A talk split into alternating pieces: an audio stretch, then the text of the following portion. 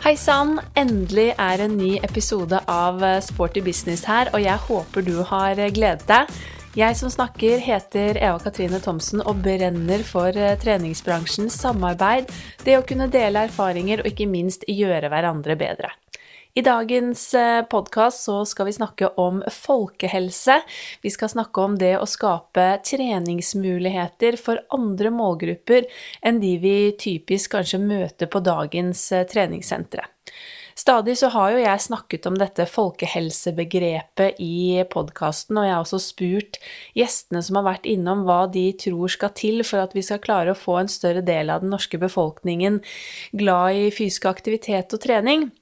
Og dette spørsmålet er jo det alle vi i bransjen ønsker å finne løsningen på, hvordan få flere glad i fysisk aktivitet og trening. Vi gjør jo mye riktig i dag, men vi har fortsatt en lang vei å gå. Noen som imidlertid har klart å tenke utenfor boksen og lykkes med å virkelig skape et aktivitets- og treningstilbud for en annen målgruppe, det er gutta som står bak Feelgood-kjeden. De har nå faktisk over 40 sentre i hele Norge, fra nord til sør, fra øst til vest, og jeg har bare blitt mer og mer nysgjerrig på deres konsept, og ikke minst imponert over deres suksess, og ønsker derfor å ta en prat med en av gründerne bak dette unike konseptet, nemlig Christian Bakke. Han er dagens gjest, og sammen så diskuterer vi folkehelsen, hva som skal til på sikt, og ikke minst du får innsikt i deres konsept og hvordan de jobber og tilrettelegger for at grupper som kanskje aldri hadde satt sin fot inn på et treningssenter, faktisk kommer til dem og trener flere ganger i uken. Det syns jeg er helt rått, og jeg håper dette kan være til inspirasjon for dere alle til å skape nye muligheter, både for dere som kanskje har en liten gründerspir i magen og som ønsker å starte eget i treningsbransjen, eller også for dere som driver eget senter og ønsker å tiltrekke dere nye målgrupper inn på senteret. Hjertelig velkommen til Sporty business, Christian. Tusen takk for det, Eva Katrine. Veldig hyggelig at vi nå får til denne praten. Vi har jo hatt en sånn dialog egentlig i lang tid, for vi begge er veldig opptatt av og engasjert i folkehelse, og har jo da snakket om at vi skulle få til en prat i denne podkasten. Så endelig så har vi fått det til, og igjen, i disse digitale tider, så sitter vi på hver vår kant og ser hverandre gjennom Zoom, men jeg er veldig glad for at du har tatt deg tid, og gleder meg til en spennende prat. Det er bare hyggelig, og det er fint at vi kan bruke teknologien til å nå ut hverandre selv i disse rare tider. Det kjenner jeg, jeg er nesten litt sånn rusten. Så før så reiste du rundt og holdt foredrag og prata om det her hele tiden, men nå er man nesten litt sånn må omgruppere seg litt og starte på nytt. Og, men det er veldig morsomt å prate om, om trening og helse. Virkelig. Og som alltid så pleier jeg å spørre om gjesten kan gi en liten introduksjon til lytterne våre om hvem du er. Ja, mitt navn er Christian Bakke. Jeg kommer fra Åmot i Modum, som er ca. en times kjøring fra Oslo mot Geilo så å si oppvokst på en møbelfabrikk, fordi bestefaren min starta det for lenge, lenge siden. Og så førte faren min det videre, det heter Bakkemøbel. Men det ble ikke en møbelsnekker av meg, fordi rett ved siden av Åmot så er det et annet lite sted som heter Simostranda. Og Simostranda er kjent for én ting, og det er Ola Einar Bjørndalen og skiskyting. Så jeg blei tidlig pensla inn i det miljøet der, og jeg har alltid vært over middels hyper og likt å være i fysisk aktivitet. Men jeg fant roen med skyting, og når jeg kunne kombinere både skyting og det å gå på ski, så var jo det en dream match. Så jeg begynte med det, hadde gode resultater og fortsatte på Geilo, på NTG der, Norges toppidrettsgymnas. Og så er det sånn at jeg er halvt svensk, så etter at jeg var ferdig på NTG, så flytta jeg til Østersund i Sverige. Der jeg fortsatte å satse for fullt i faktisk hele ni år, til jeg var 28 år. Kult. Ja, det har vært litt av en reise, det der òg. Og det er, det er veldig mange egenskaper fra skiskyting som jeg er veldig glad for at jeg har med meg. Det her med å takle litt motgang, og at man er et resultat av sin egen innsats, og at man jobber i et lag og setter seg langsiktige og korte mål og har en plan. Da. Så det er har en sånn brennende lidenskap som sitter igjen fra det der, som jeg er veldig glad for å ha med meg. Mm, ja, det skjønner jeg. Men hva er ditt forhold til uh, treningsbransjen, da? Eller hvordan endte du opp i det jeg da kaller verdens beste bransje? Ja, du, når jeg bodde i Østersund, så studerte jeg idrettsvitenskap, og vi hadde mye på universitetet der, da. Så vi hadde mye opplæring på litt sånn PT-retta, faktisk. Uh, men jeg har jo også utallige timer selv da, på et treningssenter i min satsing. Uh, men jeg har aldri jobba på et senter. Og det tror jeg egentlig er litt bra i forhold til det vi har gjort, for da har jeg på en måte ikke blitt helt farga av det. da. Jeg har stått litt fritt og um, har fått litt, litt uh, friere synsvinkel på hvordan man kan uh, drive med trening på en annen måte, da. Mm. Og vi skal jo snakke om både folkehelse, men også da ikke minst denne feelgood-kjeden som du i dag eh, driver og jobber med på fulltid. Kan du ikke si litt om hvordan hverdagen din i dag eh, ser ut, og hva du vil si er det aller beste med den eh, jobben du har? Åh, det aller beste det er jo faktisk at vi er med og bedrer livene til mennesker. At vi faktisk har muligheten til å tilrettelegge for at de kan ha en enklere hverdag. Og det, det gjorde virkelig noe med meg første gangen en person kom og sa at Feelgood hadde vært med og redda livet deres.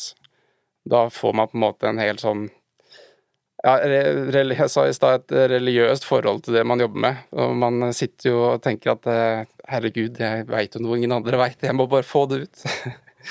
Men det er utrolig morsomt. Min hverdag er den at eh, fra starten av her, da Vi jobber egentlig et firma som heter Shapemaster Skandinavia. Og vi har eh, agenturet på en serie med tolv motoriserte treningsmaskiner. Det er egentlig det som er hovedgeskjeften vår. Men av det så har vi utvikla et uh, treningssenterkonsept som heter Feelgood, med de her tolv maskinene. Og det her tilrettelegger for at man kan trene både svake og sterke, men spes spesielt de som er svake, da, at man har en sånn lavterskeltilnærming til trening. Så eh, jeg har um, hatt hovedansvaret for å utvikle konseptet, da.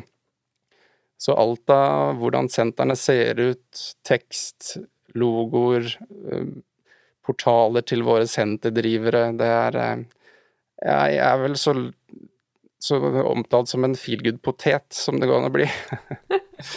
ja, jeg skjønner.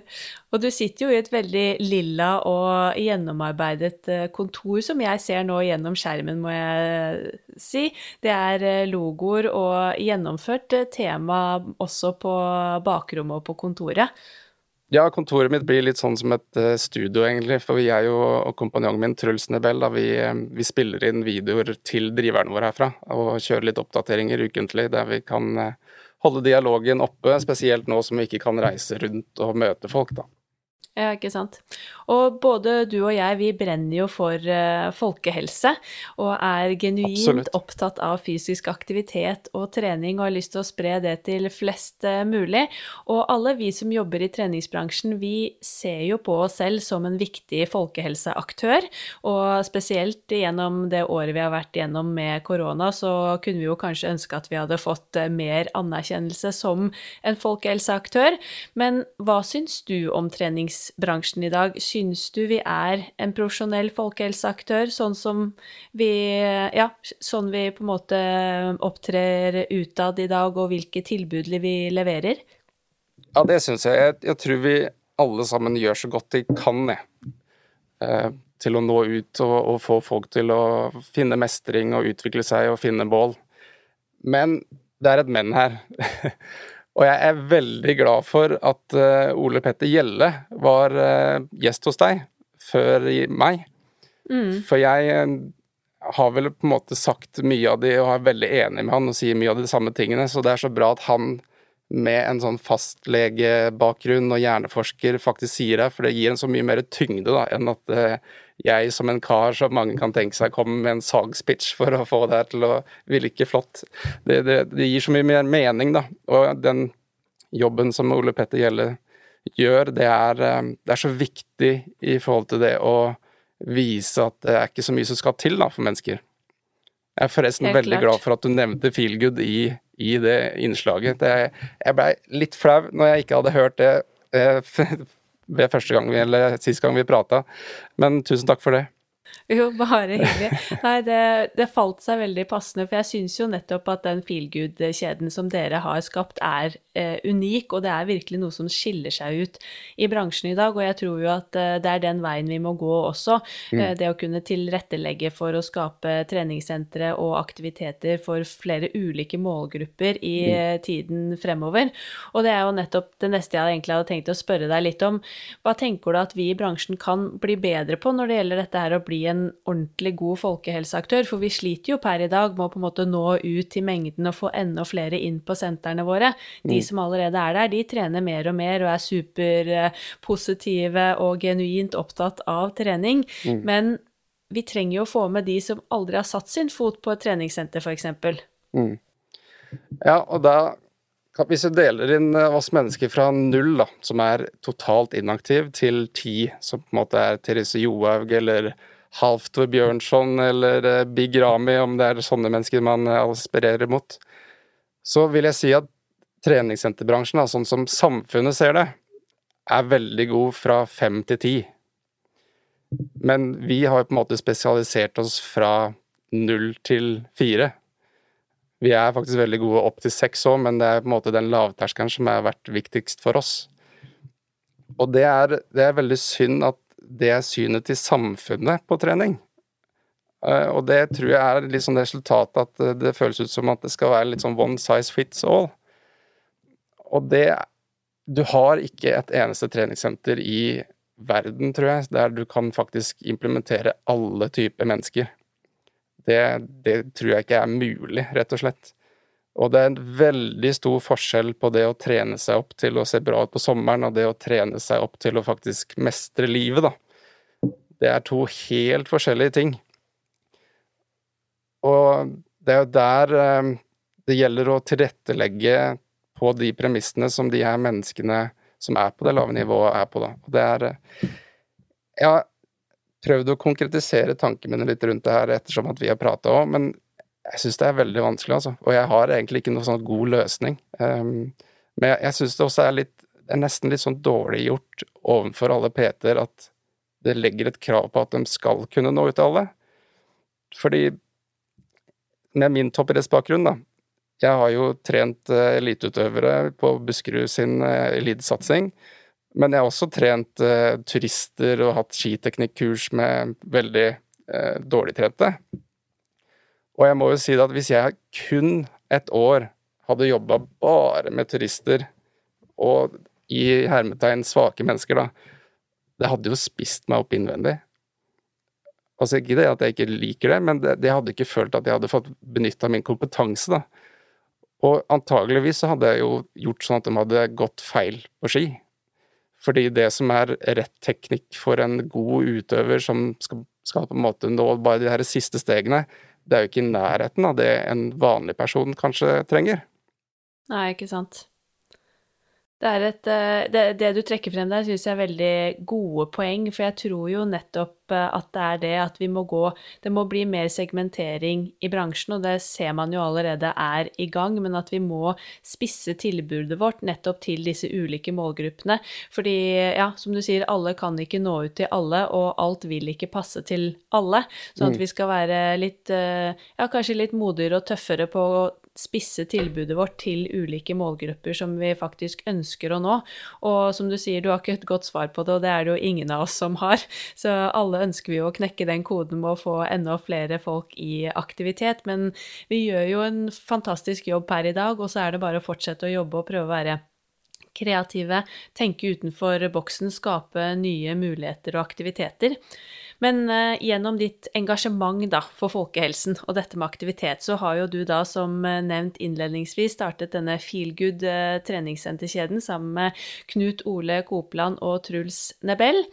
Og ifølge nettsiden deres, som jeg har vært inne og snoket på i forkant, så til, som dere da skriver, så tilbyr dere trening for de som vil ta vare på kroppen sin uansett utgangspunkt og uten noe kropps- eller prestasjonspress. Og det syns jo jeg høres helt helt fantastisk ut. Kan du fortelle oss nå litt om tanken bak, liksom oppstarten av konseptet, og hva Feelgood egentlig er? Uh, først og fremst må jeg si at du har en litt sånn world exclusive her nå, for vi har på en måte vært veldig komfortable med å være den her litt sånn misforståtte jenta og gutten i klassen som kanskje er veldig flink på noe, men som kanskje ikke helt passer inn. da. Og, og vi har egentlig ikke hatt så veldig stort behov for å, å rope så høyt og, og, vise hva vi er. Men, eh, og vi, vi, var faktisk litt sånn Etter at du ble invitert her, så prata vi litt om, om, om, det er tida for å gjøre det òg, men så tenkte jeg at ja, nå må vi faktisk eh, kunne forklare litt hva vi driver med. Um, og det som faktisk Feelgood har klart å gjøre, er å ufarliggjøre trening. Mm. Og gjøre det til noe alle klarer å mestre på egen hånd. For det her er da tolv maskiner som står i en sirkel, så det blir en sirkeltrening. Og hver av de her maskinene gjør ulike øvelser som er spesielt retta mot ulike muskelgrupper, da, hver og en. Så en person som skal trene, de setter seg ned i første maskin i sirkelen, trykke på en knapp der man velger om maskinen skal gå sakte, medium eller raskt. Og så starter maskinen å gå av seg selv i tre minutter, før den stopper. Ja. Og i de tre minuttene, da, så går den maskinen. Men det, det som er i forhold til belastning, er at det her er en isokinetisk treningsform. Der hastigheten i bevegelsen er konstant, men belastningen er dynamisk, og den endrer seg kontinuerlig i forhold til hvor mye man tar i. Så det vil si at hvis man har lyst på en skikkelig tung treningsøkt, da, så kan du ta i til svetten spruter og det er um, full innsats. Men du kan også velge å sitte og bare følge maskinens bevegelse.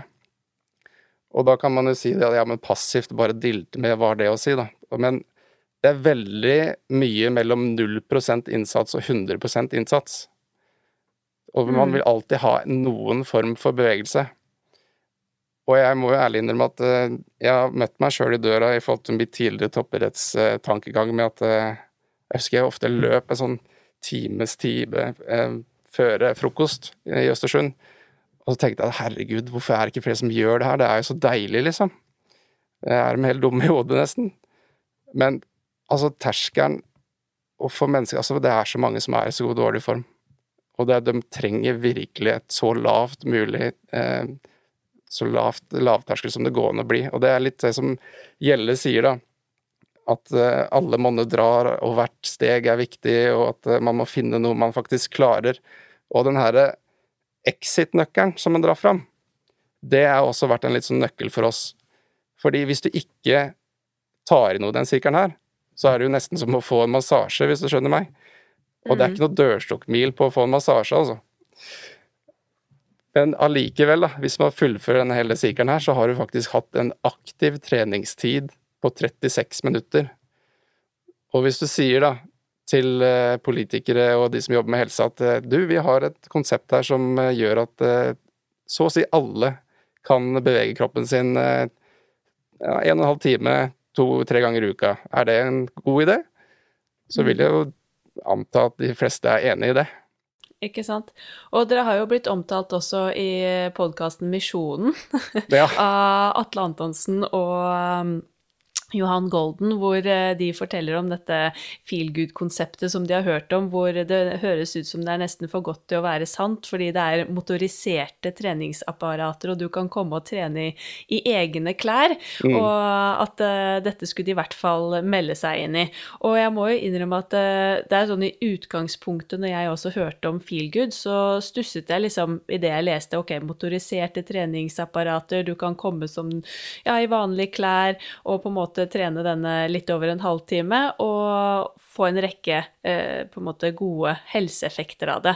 Eh, mm. og så har jeg jo satt meg mer inn i det, så jeg skjønner mer og mer av treningskonseptet. Og som du sier, det er mye mellom 0 og 100 og at det mm. kommer an på hvor mye du tar i selv. Så det er jo faktisk Det kan jo gi deg en kjempetreningsøkt, og for noen er det kanskje bare viktigst å få komme og beveget på kroppen, beveget gjennom alle ledd og ikke minst den sosiale settingen å møte opp på et senter, møte andre mennesker. Men litt sånn overordnet, hva vil du si er liksom de altså hovedhelseeffektene eller treningseffektene som dere pleier å kanskje da formidle til medlemmer av denne treningsformen?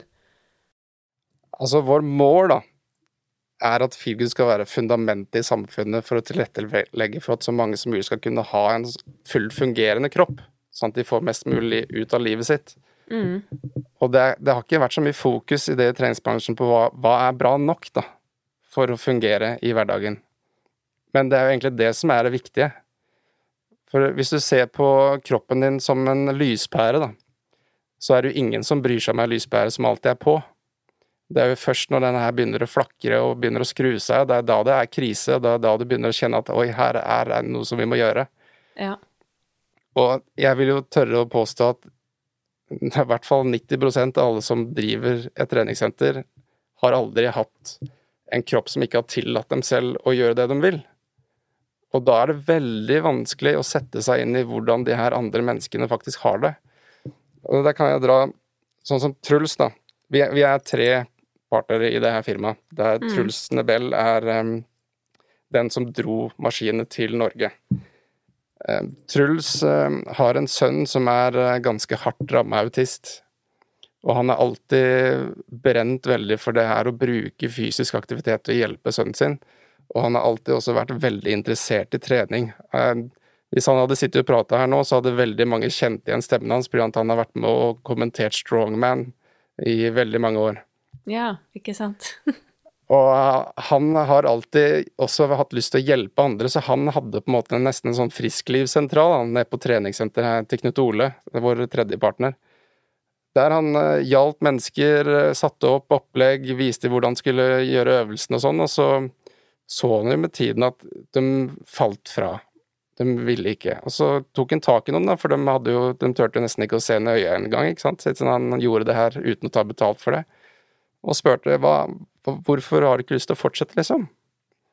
Og da fikk jeg nesten alltid svar at nei, det er for vanskelig, jeg orker ikke, jeg har ikke lyst til å forholde meg til sett og rep og opp og ned og hu og hei, altså det blir for mye, da. Ja. Og det er da han kom over de her maskinene i England, der han skjønte at oi, her kan vi faktisk tilrettelegge for at de som trener, ikke behøver å tenke at de trener engang. Og der ligger en nøkkel, altså fordi du Når du sitter i de her maskinene Ta, ta sammenligne med vanlig trening. Du mm. tar en bicep curl. Da tenker du på nå må jeg holde armen sånn, jeg skal løfte armen, jeg skal uh, ta i litt, jeg skal telle repetisjoner, Oi, der er det ei dame som ser på meg, da må jeg flekse litt. Skjønner du?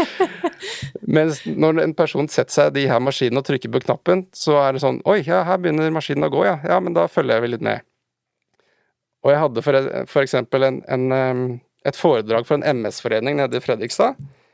Der jeg fortalte litt om treningen, og etterpå så hadde jeg med meg en maskin da, som de fikk prøve. Og da kom det en gammel dame bort og satte seg i den maskinen, og det er en type crunch-maskin, så du tar situps i, da, med støtte i ryggen. Ja. Og så satte jeg i gang maskinen, og så begynte vi å prate, da. Og da kom jo det her helse... Holdt på å si ja, alle diagnoser da, som det mennesket hadde, og det var jo et, en liste som et langt år, ikke sant. Og, men vi prata litt rundt hennes eh, tilstand, og Eh, så gikk jo de her tre minuttene, og så stoppa maskinen. Så sa jeg ja, nå stopper maskinen, da. Hvordan føltes det? Jo, du, du, det føltes godt. Men uh, når er det sist gang du trente, da? Styrke? Å nei, gud, det er sikkert over 20 år siden. Ja, men du, da kan jeg gratulere at du har hatt din uh, første lille treningsøkt her nå. Å ja, men det er jo helt fantastisk, ikke sant? Altså, du, du har på en måte fjerna hele fokuset med at du faktisk skal trene. Det er bevegelsen som er nøkkelen her. Og det er jo når du får gjort tilrettelagt det sånn at de her menneskene faktisk klarer å gjøre det på en regelmessig base, så er jo nøkkelen nådd, da. Mm, ja, virkelig. Men eh, hva vil du si sånn Ja, litt tilbake til dette med treningseffekt, da, av mm. disse på en måte apparatene. Hva vil du si er det viktigste man får ut av det? Vi, vi, har faktisk hatt bedre resultater med det med mennesker enn det vi noensinne hadde turt å håpe på. Har vi, vi har klura litt rundt på det. Um, men jeg, jeg, tror det er at når du har kjørt gjennom hele sirkelen, så har du faktisk trent totalt hele kroppen, altså. Uh, og du har bevega skuldre, uh, bicep, tricep, mage, rygg, uh, midje, ben. Legger altså hele pakka. Og du tar mange repetisjoner. Eh, jeg det er ikke så lenge siden jeg faktisk trente en sirkel på de her maskinene sjøl med pulsbelte, der jeg tok skikkelig i. Og når jeg da har en gjennomsnittspuls på 144 slag i minuttet på 36 minutter, og en makspuls på 174 og selv om jeg er eh, pensjonist, så er jeg ikke så dårlig trent til at det ikke er et eh, representativt til en god treningsøkt, altså. Absolutt. Og ja, du sendte jo den, det bildet av meg av pulskurven din for den økten, og det var jo ja, veldig spennende å se, syns jeg. Og det sier jo noe om nettopp det du er inne på, at alle kan få også en god treningsøkt ut av det, men det kommer an på ja, hva du også velger å legge i det selv. Du har jo vært litt inne på det, dette med målgrupper, altså hvem som trener hos dere. Hos dere. Mm. Men i hovedsak, hvilken målgruppe er det dere retter dere inn mot, og hvem er det som er medlemmer av et uh, feelgood-senter i dag? Oh, vet du hva, Det der har vært den vanskeligste saken for meg i forhold til markedsføring, for det er et så enormt bredt medlemsspekter. Vi har alt fra jeg tror den eldste er 99, så vi har ikke nådd den 100-grensa. Men uh, så har vi også helt ned i 16 år, ikke sant. Og det er jo ofte da mennesker som har en eller annen type for leddgikt eller andre fysiske problemer som gjør at de ikke klarer noen annen form for trening. Og et godt eksempel der er jo Dagfinn Enely, da. Som uh, har starta et sånt figursenter på Rygge sammen med kona si. Ja. Og de som ikke vet hvem Dagfinn er, så han var tidligere fotballspiller og knakk nakken sin i en kamp for 15 år siden, så han sitter i rullestol. Mm. Jeg husker faktisk eh, Det er en av, ja, et sånn øyeblikk jeg selv også husker utrolig godt. Det mm. sjokkerte jo hele Idretts-Norge, men eh, ja, det rørte. Og jeg har jo også sett litt eh, ja, videosnutter av han i etterkant, også i forbindelse med Feelgood. Og ja, du skal få lov til å fortelle videre, men det er jo fantastisk å kunne ja, tilrettelegge for mennesker som har den type utfordringer også, at Feelgood kan bidra der. Mm. Ja, det er ekstremt morsomt. Det som var forhistorien til det der, at vi, vi har en felles kompis eh, med Dagfinn som på en måte sa at det her burde vi få Dagfinn til å prøve. Så han dro sammen med oss til et senter vi har på Ski, og han ble jo helfrelst. Så i bilen på vei hjem fra det senteret, så bestemte han og kona si at de skulle starte et firgulsenter. Ja. Så det var på en måte match made in heaven, det òg. Og det å se at han faktisk klarer å trene her selv jeg, Han ringte meg faktisk nå rett før vi eh, dro på her. Ja. Så spurte jeg han hva han syntes om vanlige treningssentre. Jeg hater treningssentre! Nå håper jeg ikke at noen blir støtt av det, altså. Men eh, det var hans eh, syn på det. ja, ja. Og, men det gikk litt på, på, det at han For han har jo ikke hatt mulighet til å drive med noe opplegg der, ikke sant. Han har vanskelig, og det blir på en måte Når det har vært det eneste alternativet han har måttet forholde seg til fram til nå, så blir jo det en sånn negativ ting, da. Mm helt klart. Nei, jeg har vært inne på det i et par eh, andre podkastepisoder også, dette med hvordan dagens treningssentre er tilrettelagt for ja, ulike kundegrupper, f.eks. overvektige.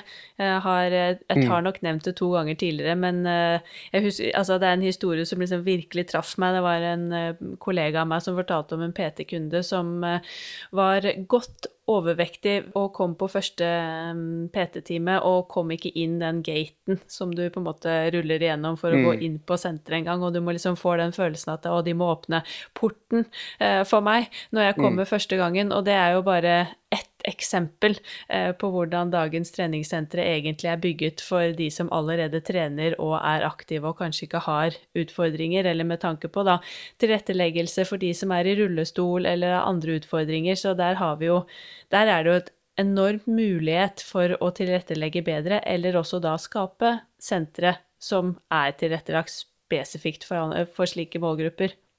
Det har jo vært mitt hovedfokus når vi har på en måte utforma hvordan de treningssentrene er. Da. Og det, er, det, er, det er små sentre, det er ca. 120 kvadratmeter. Og det er ikke noe omkledningsrom og dusj. Folk kommer og trener i sine vanlige klær. Og der har jo på en måte hele tankegangen vært å lage det så hyggelig som mulig. Så det fins ikke et speil på veggene, det er eh, kun tilrettelagt for at det skal være hyggelig. Det, når vi åpna på Moelv, så kom det jo en kar innom og sa at ja, men herregud, det her ser ut som et spa. Og det er det beste komplimentet jeg noensinne kunne fått. For det er jo akkurat det vi har lyst til å få til. Det skal være en sånn positiv, fin, inkluderende oase for mennesker, da. Som er på en måte noe du gleder deg til å komme til, og ikke gleder deg til å bli ferdig med. Og det har også vært hele tankegangen her. Helt klart. Men eh, disse som kommer på, eller møter opp på, eller er medlem på deres senter, da, som eh, gjennomfører denne sirkeltreningen, hvor mm. ofte er det dere anbefaler at de skal gjøre denne treningen? Vi anbefaler to til tre ganger i uka. Det som er jeg, jeg tror vi er den treningssenterkjeden i landet som har eh, nesten problem med at folk kommer for ofte. Altså, de blir totalt hekta, og det er eh, mange jeg er innom der daglig. Og, så den der støttemedlem-raten hos oss, den er ekstremt lav, altså. Men det er også litt på at endelig finner mennesker et sted der de føler seg hjemme, da. At de føler at det her er faktisk noe som er eh, inkluderende for dem, og at de møter likesinnede. Det er også et litt sånn poeng som, som Ole Petter Gjelle dro fram, det her med at det er ikke, kanskje ikke så mange som kan relatere seg til de som jobber på et vanlig senter. Og vi har jo f.eks. et par på, som åpna senter på Gran, som heter Einar og Ellen. Og de er 80 år gamle. Og det er så kult å kunne se at sånne typer mennesker De har gjort seg en god business opp igjennom i forhold til eiendom, da, men nå mm. hadde de lyst til å starte noe som uh, kunne bidra til uh, samfunnet sitt rundt seg og ja. trene selv. Og det er jo også at de som starter de her sentrene, det er jo ikke først og fremst folk som brenner for trening, det er jo folk som brenner for å hjelpe andre. Altså den treningsdelen, den, den er viktig, men det er jo bevegelsen som er viktigst, og at de faktisk eh, kommer dit. Absolutt. Det er jo helt, helt rått. Men din, denne treningen, er den guidet av en instruktør, eh, eller møter medlemmene opp og gjennomfører det på egen hånd? Vi sier jo det at hver eneste maskin er som en PT, i forhold til at den har jo en, en, bestemt bevegelse som du alltid gjennomfører. Og den bestemmer jo også eh, hastigheten når du har valgt, da, og den bestemmer tidsperioden. Så de som jobber på de sentrene, kaller vi egentlig for veiledere istedenfor PT-er. Og det er, det er, faktisk noen medlemmer òg som har på en måte fått et lite kurs og kvalifisert seg til å bli en veileder. For det er man kan jo tenke at, Og det er, det er, jo ubetjent i store deler også, når det er til vanlige tider. Så mm. senteret er jo åpent fra syv på morgenen til elleve på kvelden, så folk kan jo komme og gå så mye de vil. Ja. Og da kan man tenke seg ja, men er ikke, er ikke det litt farlig, da, i forhold til skader og sånn? Men i løpet av de seks årene som vi har drevet av, da, så har vi ikke hatt ett eneste tilfelle med, med skade. Om vi da har en veldig primært eldre kundegruppe, så skal jeg gjerne like å se noen andre store kjeder som har eh, tilsvarende resultater i forhold til at det er så lite skader. Mm. Men dere tilbyr ikke da noen annen form for trening, det er kun på en måte denne sirkelen med de eh, apparatene? Ja, og det er eh, rett og slett på grunn av at hvis du går inn på tradisjonell trening, så er det en jungel med forskjellige ting. Så hvis du ikke vet helt hva du skal gjøre der, så kan du gå deg helt vill. Så det som er her, er at da du vet alltid hva du skal gjøre, du behøver ikke ha noen plan. Du setter deg i maskin én, og så følger du videre til du har vært gjennom alle, og så er du ferdig. Og det gjør jo også den her dørstokkmila i forhold til det at du bare kommer seg ut og tenker nei, nå har jeg ikke klær, nå veit jeg ikke hva jeg skal gjøre, jeg orker egentlig ikke i dag. Nei, men dra dit og få deg en massasje, da. Og så har du faktisk gjort noe i dag. Og så mm. har du møtt noen andre som er likesinnede og prata litt og hatt det hyggelig, liksom. Så det blir på en helt annet nivå. Helt klart. Og jeg syns ideen og at dere har fått det til, er eh, Ja, jeg syns det er kjempebra for bransjen og ikke minst for ja, folkehelsen generelt. Og jeg syns det er utrolig kult at det er noen som har tatt steget da, og tenkt annerledes og turt å lage et tilbud for en annen type målgruppe, og kanskje da ikke satse på liksom å lage det altså med sånn hippeste, kuleste, fresheste treningssentre med bootybuilder og de siste treningsapparatene som egentlig egentlig bare appellerer til eh, de som allerede er på et treningssenter. For problemet i dag er jo at de fleste treningssentre vi, vi konkurrerer jo egentlig om den samme massen, eller samme antallet mennesker. Mm. Det er jo nesten det vi konkurrerer om, å få de til å melde seg inn på vårt senter istedenfor uh, det andre senteret i rundt hjørnet, sånn som her i Oslo, er det jo et senter overalt. Mm. Og nettopp det at dere har turt da å tenke helt nytt, eh, syns jeg er helt fantastisk. Og som du sier, dere har jo drevet da i seks år, men hvor mange sentre har dere i dag? Og har du noe tall på hvor mange mennesker som er medlemmer hos dere? Vi har 42 eh, sentre i dag, og vi har eh, to til som kommer til å åpne før sommeren. og det, det ser ut som vi kan runde 50 i løpet av året i forhold til smitte Eh, hvordan det blir med smitte, da. Men ja. så har vi også ett senter i Spania, og så har vi syv i Østerrike. Så ja. vi har begynt å tre ut over landegrensene. Eh, jeg syns det er litt morsomt for å dra tilbake til det her, eh, de 20 prosentene, for jeg hørte det der podkasten du hadde med Henning Holm. Ja. I forhold til det her med at vi konkurrerer om pris og kompetanse, og at det er liksom det høyeste markedsføringsbudsjettet og sånn. Og jeg, jeg var på Tren i, for to år siden. Jeg fikk ikke med meg hele i år, men jeg så din. Du har en veldig fin blå bluse. Tusen takk.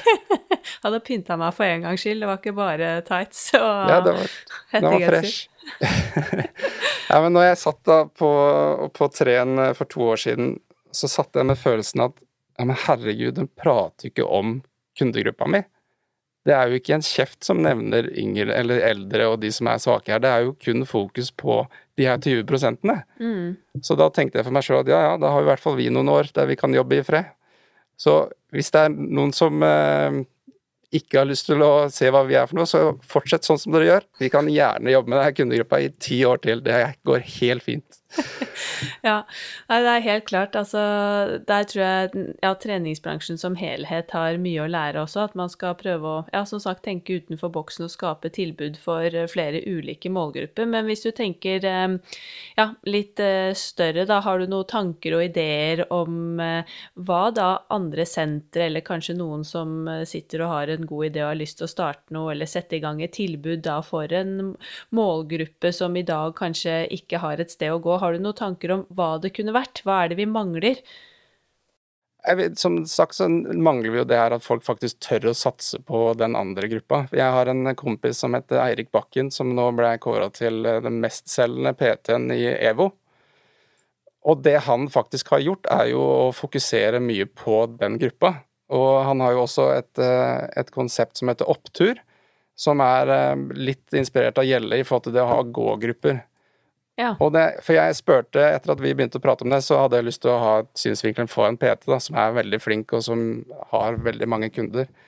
Um, og han, han sier jo det at uh, det, det, er veldig mye som er på, på, bedringens vei, hvis du sier det sånn, da, i treningssenterbransjen, spesielt med utdannelse og um, alle de tinga som gjør uh, folk kvalifiserte til å drive med treningsutdannelser og sånn.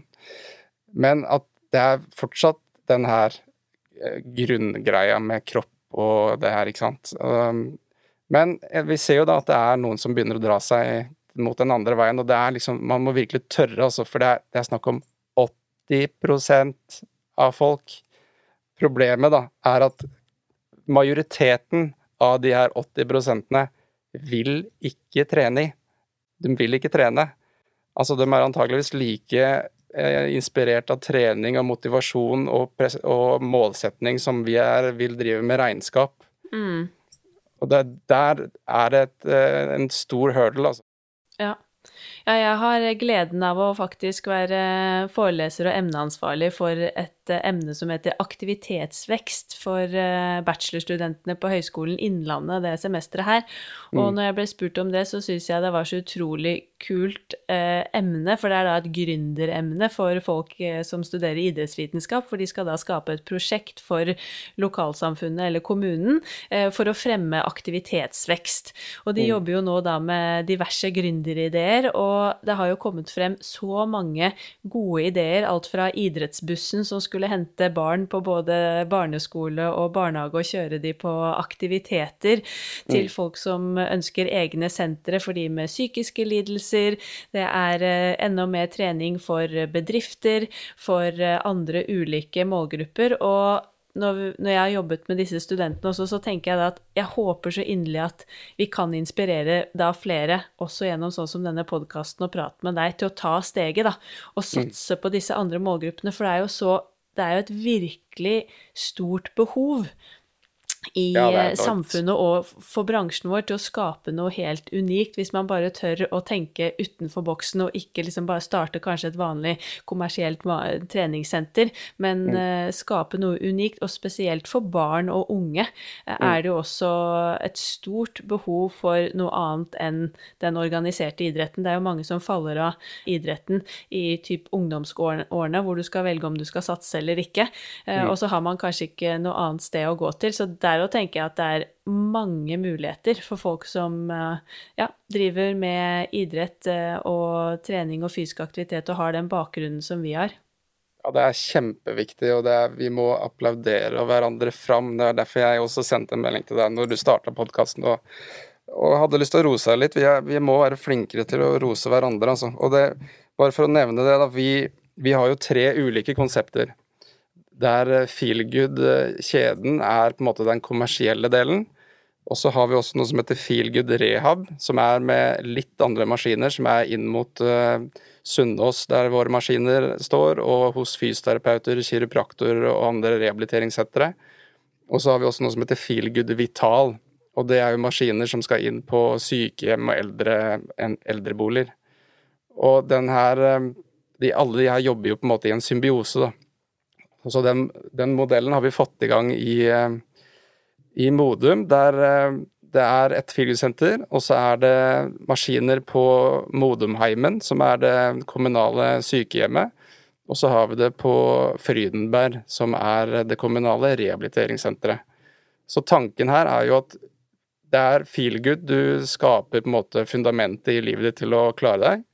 Blir du skada, så drar du på rehabilitering, og så kommer du tilbake til feelgood og når du blir gammel, så har du Vital. Ja. Og det jeg syns er så utrolig rørende og morsomt da, med sånn som Vital, er at der ser vi jo at det er jo flere yngre som har lyst til å komme på besøk, fordi da har de en, et mål med besøket sitt. Da kan de ta med den beboeren som er der, og gå bort til de maskinene og faktisk trene litt og bevege på seg. Mm. Ja, det er jo det er virkelig flott. Men andre treningssentre per i dag, har de muligheten til å kjøpe inn disse motoriserte apparatene? Det første senteret vi åpna, altså Knut Ole, bare for å dra den tingen nå, da, han, jo, han feirer jo 30 år nå i bransjen, og han er den eneste som produserer treningsmaskiner i Norge for Forsvaret og Idrettshøgskolen blant annet. Og det, det, er det som er litt morsomt her. og at Vi tre da, som driver det her firmaet, vi, vi, sitter på ganske mye kompetanse rundt trening. Og jeg tror nok det er veldig mange som lurer på hva slags rar gjeng det er her som driver med folkehelse.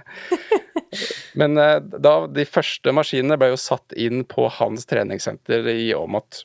Og da sto de egentlig i det første rommet, så alle som skulle trene tungt med vekter og sånn, gikk jo forbi de her maskinene. Og vi så jo det fort at når eldre og de som på en måte blir klassifisert som litt svakere, sitter her og trener, og så går uh, buff dudes i singlet forbi og skal på en måte trene litt lenger inn, så blir det en, det blir en feil setting. Så vi skjønte tidlig at det her blir ikke en god match. Så det er derfor vi så at her er det mye bedre at vi reindyrker det her, og så åpner vi opp mange sentre. For vi har jo vi har jo et uh, hårete mål om at vi skal ha et uh, sånt senter på hvert eneste sted det er plass til en litt større matbutikk, og det er jo rundt 600 steder da, i Norges land. Mm. Ja, jeg har veldig troa på den tanken, for man føler seg så mye mer eh, inkludert og del av et riktig miljø eh, mm. når, det, ja, når, du møter likesinnede kontra på et treningssenter, som du sier, hvor de som er superengasjert eh, i trening og har et helt annet mål med treningen, eh, mm. møter deg. Så, så, det er jeg veldig troa på. Men har du noen tanker og tips for de treningssentrene som i dag eksisterer, og som kanskje ønsker å tilrettelegge for denne type målgruppe. Da. Kanskje sette i gang noen nye aktiviteter, prøve å få de inn, selv om de ikke på en måte har et eget senter for det. Har du noen tips og råd for hva ja, vanlige sentre i dag kan gjøre? Lytt og ha ydmykhet til de menneskene som kommer inn, og virkelig prøve å sette seg inn i deres skor. Og ikke vær så overambisiøs på deres vegne. Det tror jeg er veldig viktig. For jeg, jeg, kan tenke meg at det er en del mennesker som går inn på et sted og går ut igjen og føler at de sitter igjen med noen målsendinger som de kanskje ikke helt vil selv. da. Fordi det blir kanskje framprovosert fra den andre siden. Så det der faktisk virkelig forstå de her menneskene. Og altså, jeg, vi har hatt mennesker som kommer til Figud og som må snu inngangsdøra pga. at det å gå hjemmefra til senteret er for tungt. Da Ja. er det ekstremt vanskelig å kunne sette seg inn i det når man på en måte alltid har hatt en kropp som har fungert og tillatt den å gjøre de tinga man vil. Mm. Det er, det er en totalt annen verden. Det blir som at jeg skal prøve å sette meg inn i hvordan det er å være gravid. Jeg kan gjerne prøve, men jeg kommer aldri til å helt skjønne hvordan det er. Nei, det er jeg veldig enig i. Der uh, også er det jo en, uh, ja, en debatt med ting man kan diskutere. Dette med ja, vi trenere da, som jobber i treningsbransjen i dag, kanskje man burde vært enda flinkere til å um, få inn trenere med mer ulik bakgrunn. Mm. Ja. Eh, tenker jeg, som kanskje i større grad kunne satt seg inn i, som du nevner, da, på en måte historiene, eh, bakgrunnen til disse menneskene som møter opp på sentrene. For det er jo, selv om vi prøver så mye vi vil, så er det ekstremt vanskelig for oss. Ja, du, det, du, som du sier, da. Vi må kalle en spade for en spade. Trening er vanskelig, altså. Og det er eh, veldig følelseslada for mennesker. De er eh, redde for å, å drite seg ut, rett og slett. Og gjøre ting feil foran andre. Og så er det også det her at i forhold til prestasjon, da, det er en ting med feel good. For du, du får jo aldri noe feedback for hvor mye du har tatt i, ikke sant. Og det gjør at da har du aldri noe å sammenligne deg med fra tidligere.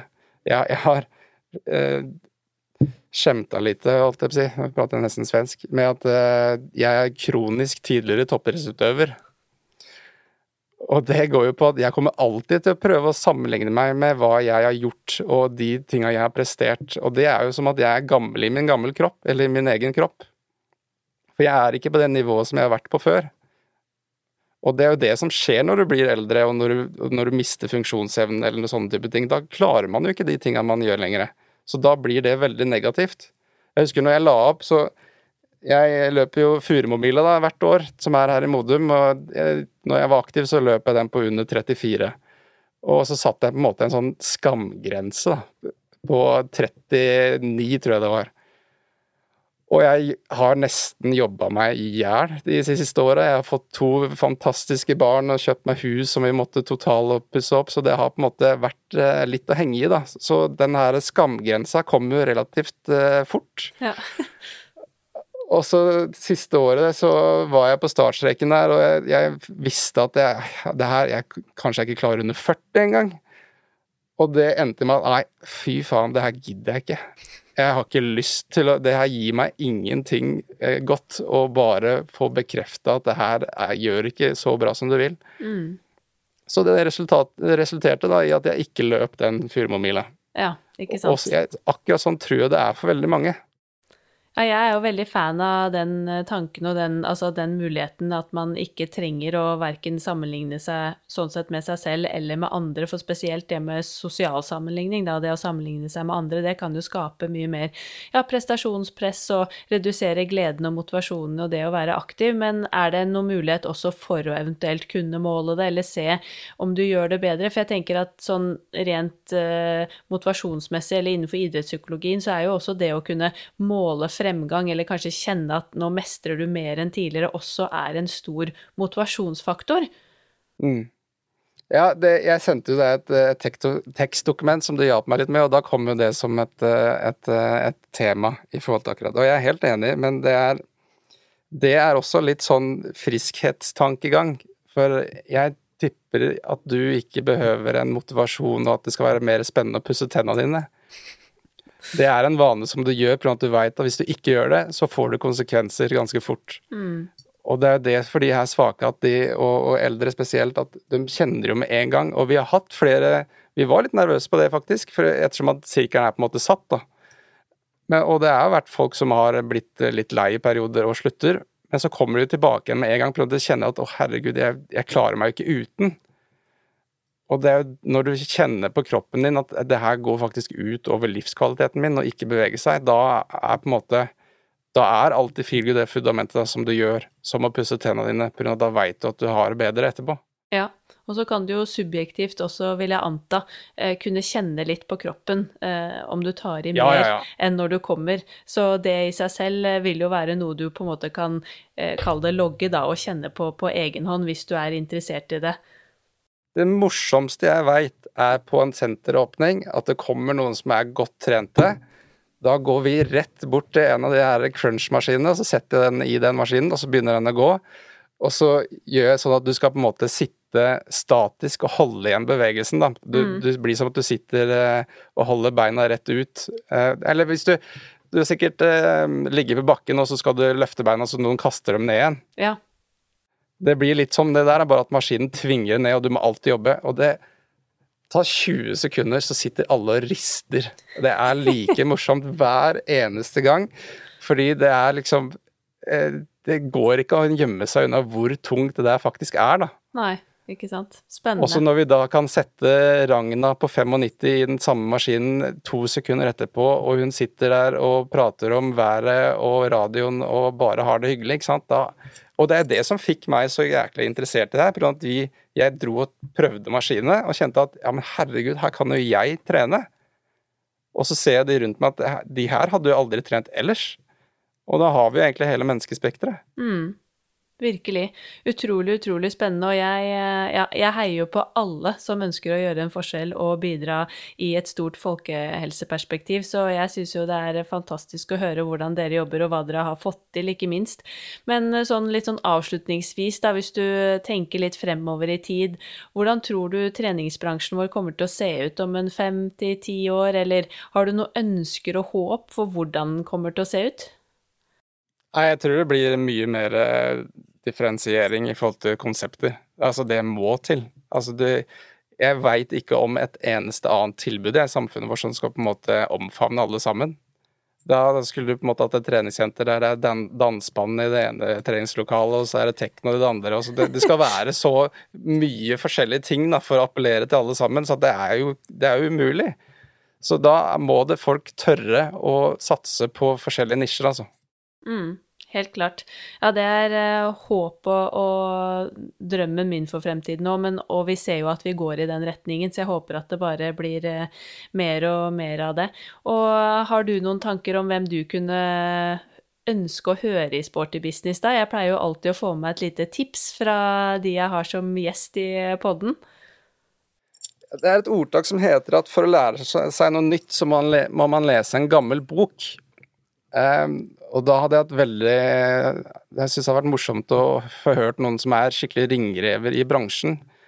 Nå kan jeg på en måte løfte fram Knut Ole Kopland, som er en en kollegaen min. Jeg vet ikke om han hadde hatt lyst til å gjøre det, men eh, noen som har faktisk driver med det. Men det ble lagt ut et intervju med Harald Skjølt i helgen på YouTube. Det kan dere sikkert finne, han som driver Haraldsgym. Mm. Han òg hadde vært veldig interessant å prate med. Og det, det, er så morsomt med sånne ringrever, da, for han, i den podkasten så prater de mye om en kar som heter Sjur Hall. Og Sjur Hall er på mange måter eh, eh, han som har dratt i gang alt som har med kroppsbygging og sånn i Norge. Og jeg hadde den glede av å dele nesten en hel dag med Sjur Hall for to ukers tid siden. Der jeg og Knut Ole var inne og så på noen treningsapparater og prata litt om trening. Og det var så gøy, for da var vi inne og gjorde en liten service på et treningssenter, og så sa jeg det, for jeg har hatt en skulder som har krangla som jeg har operert, den gikk ut i ledd eh, i tide og utide. Så jeg sa det at eh, jeg har liksom Jeg har problemer med å få aktivering i, i brystmusklene mine. Det, når jeg trener, det er veldig vanskelig. Alt annet fungerer bra. Og da var han bare Ja, kom her, da skal jeg vise deg noe. Og så viste han noen øvelser, og da, det er som å skru på en bryter, altså. Plutselig, der var han, ja.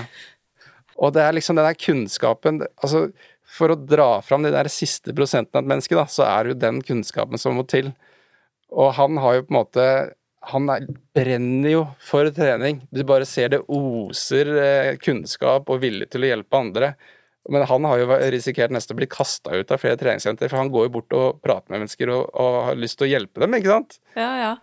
Så eh, Nei, men eh, å få tak i noen sånne gamle ringrever som virkelig kan mye om trening, det hadde vært, mer, det hadde vært interessant å høre. Mm, kjempegodt tips. Det er eh, notert på lista. Mm. Jeg syns at det her har blitt en utrolig spennende prat, som jeg håper at lytterne våre også setter pris på, og ikke minst får lære mer om dette feel good-konseptet og bli inspirert til å tenke muligheter for andre målgrupper. Og jeg må jo innrømme at eh, jeg blir jo bare mer og mer nysgjerrig på disse apparatene selv, for det høres jo fortsatt, for å være helt ærlig, ut som det er litt for godt til å være sant. ja, men du, da har jeg en liten utfordring til deg. For siden vi har prata om det her nå, så føler jeg at uh, du kan være med meg og prøve før denne podkasten blir lansert. Så drar vi til et Feelgood-senter i Oslo der vi får kjørt en ordentlig treningsøkt. Så kan du uh, si hva du mener selv etter å ha prøvd det. For jeg har per dags datum ikke møtt noen som har prøvd det, som ikke har skjønt at det er bra. Så det blir litt spennende å høre hva du syns, hvis du tar den utfordringen, da. Kult. Jeg tar den utfordringen på strak arm. Helt klart. Så det gleder jeg meg til allerede. Så da får vi bare booke en eh, dato. Og så skal jeg også sørge for å gi lytterne feedback på hvordan den opplevelsen var. Ja, det er helt supert. Tusen hjertelig, hjertelig takk for en superinteressant og hyggelig prat. Takk for det. Og så avslutningsvis har jeg lyst til å rette og benytte av muligheten til å takke alle dere fantastiske feelgood-senterdrivere som har stått gjennom denne her tunge tida og har jobba alt dere kan. Dere er virkelig med å gjøre en, en forskjell i samfunnet, så takk for det. At dere stoler på oss, bruker vårt konsept og gjør en forskjell på folkehelsa. Takk for det. Jeg tok selvfølgelig utfordringen til Christian på strak arm, og bare et par dager etter at vi spilte inn podkasten, så møtte jeg spent opp på Feelgood Vollebekk i Oslo. Og jeg skal innrømme at jeg var jo ganske skeptisk og spent på denne treningsformen. Samtidig så har jeg jo full tillit til det Christian har fortalt meg om eh, treningen. Så jeg er veldig glad for at jeg fikk lov til å komme og teste, for det å uttale seg om noe man ikke selv har prøvd eller virkelig kjent på kroppen, det er jo noe jeg syns man virkelig ikke bør gjøre. Så jeg gjennomførte da hele denne treningssirkelen med de tolv motoriserte apparatene, og jeg må bare fortelle dere, gjett om det var en stor overraskelse, for det var skikkelig slitsomt. Og du tenker kanskje at hm, vet ikke helt om jeg skal tro på det når man sier at det er eh, motoriserte treningsapparater, men jeg lover dere, du burde teste selv, men det er faktisk utfordrende. For det er nemlig sånn at selv om disse maskinene beveger deg, så kan du velge om du virkelig tar i eller ikke. Så for en eldre person så kan eh, hun eller han velge å bare la maskinen bevege seg, eller bevege kroppen, og da vil du uansett få beveget gjennom alle ledd, du vil kunne gjøre rotasjoner, du vil gjøre både press- og trekkøvelser, du vil gjøre ulike mageøvelser, og du vil få i gang blodsirkulasjonen og virkelig få beveget på kroppen, selv om du nødvendigvis ikke tar i så mye. Og for mange så er det mer enn nok, og igjen veldig mye bedre enn ingenting. Men for en som ønsker eh, litt mer utfordring, så kan du da altså velge å ta i skikkelig. Her velger du helt selv. Det er mye mellom 0 og 100% så det er helt opp til deg. Men da er det altså sånn at du kan velge å virkelig presse fra i eh, pressøvelsene, og virkelig trekke i dragøvelsene, f.eks. Og du kan også velge å jobbe f.eks. eksentrisk, sånn at du virkelig jobber med å holde igjen. Og dette her var en utrolig eh, spennende opplevelse, fordi det var utrolig mye tyngre enn eh, det jeg trodde. Og jeg måtte virkelig eh, jobbe, og jeg ga jo også maks innsats, for jeg hadde lyst til å se hvordan det var hvis du virkelig trøkka til. Og gjett om jeg ble svett i pannen, rød i kinnene og virkelig kjente det dagen etterpå, spesielt i kjernemuskulaturen, fordi man beveger både armer og ben samtidig og må stabilisere med kjernen. Og i tillegg så var det et par av apparatene som gikk spesifikt på kjernen, hvor Christian utfordret meg virkelig med noen ekstra eh, triks i ermet for å gjøre øvelsen enda tyngre, og de slet jeg virkelig på. De var utrolig, utrolig tøffe. Så det var en veldig spennende og morsom eh, opplevelse, og jeg ble jo bare enda mer overbevist og sikker på at dette her er et fantastisk eh, treningstilbud. Det er jo ikke et treningskonsept som er laget for oss som kanskje allerede trener masse og er fysisk aktive og kjempeglade i å gå på treningssenteret selv eller drive med masse ulik idrett. Men dette her er et eh, konsept som er tilpasset de som ikke kommer seg på trening. De har kanskje aldri likt å bevege seg, eller det er eldre, eller det er folk med ulike utfordringer rent fysisk, og da er det virkelig et fantastisk eh, treningskonsept. Så jeg anbefaler, hvis du har muligheten, test ut en gang, for det var en utrolig spennende opplevelse. Og selv jeg, som har trent mye i mitt liv, måtte eh, virkelig utfordre meg selv i løpet av sirkelen. Og du jobber jo tre minutter på hvert apparat også, så det blir ganske tungt etter hvert når du da virkelig utfordrer deg selv, så det var eh, kjempekult. Så jeg vil bare si henda i været for Feelgood. Jeg ønsker dem masse lykke til videre i fremtiden, og håper at flere tør å ta steget og utforme konseptet tilrettelagt for ulike målgrupper, for her finnes det uante muligheter. Følg oss eh, i Sporty Business gjerne på Instagram at Sporty Business Podcast, og bli med i gruppen vår på Facebook som heter Sporty Business. Ha en topp uke videre. Vi poddes igjen om to uker. Ha det bra. Denne podkasten produseres av Inspartum Akademi og North Stories.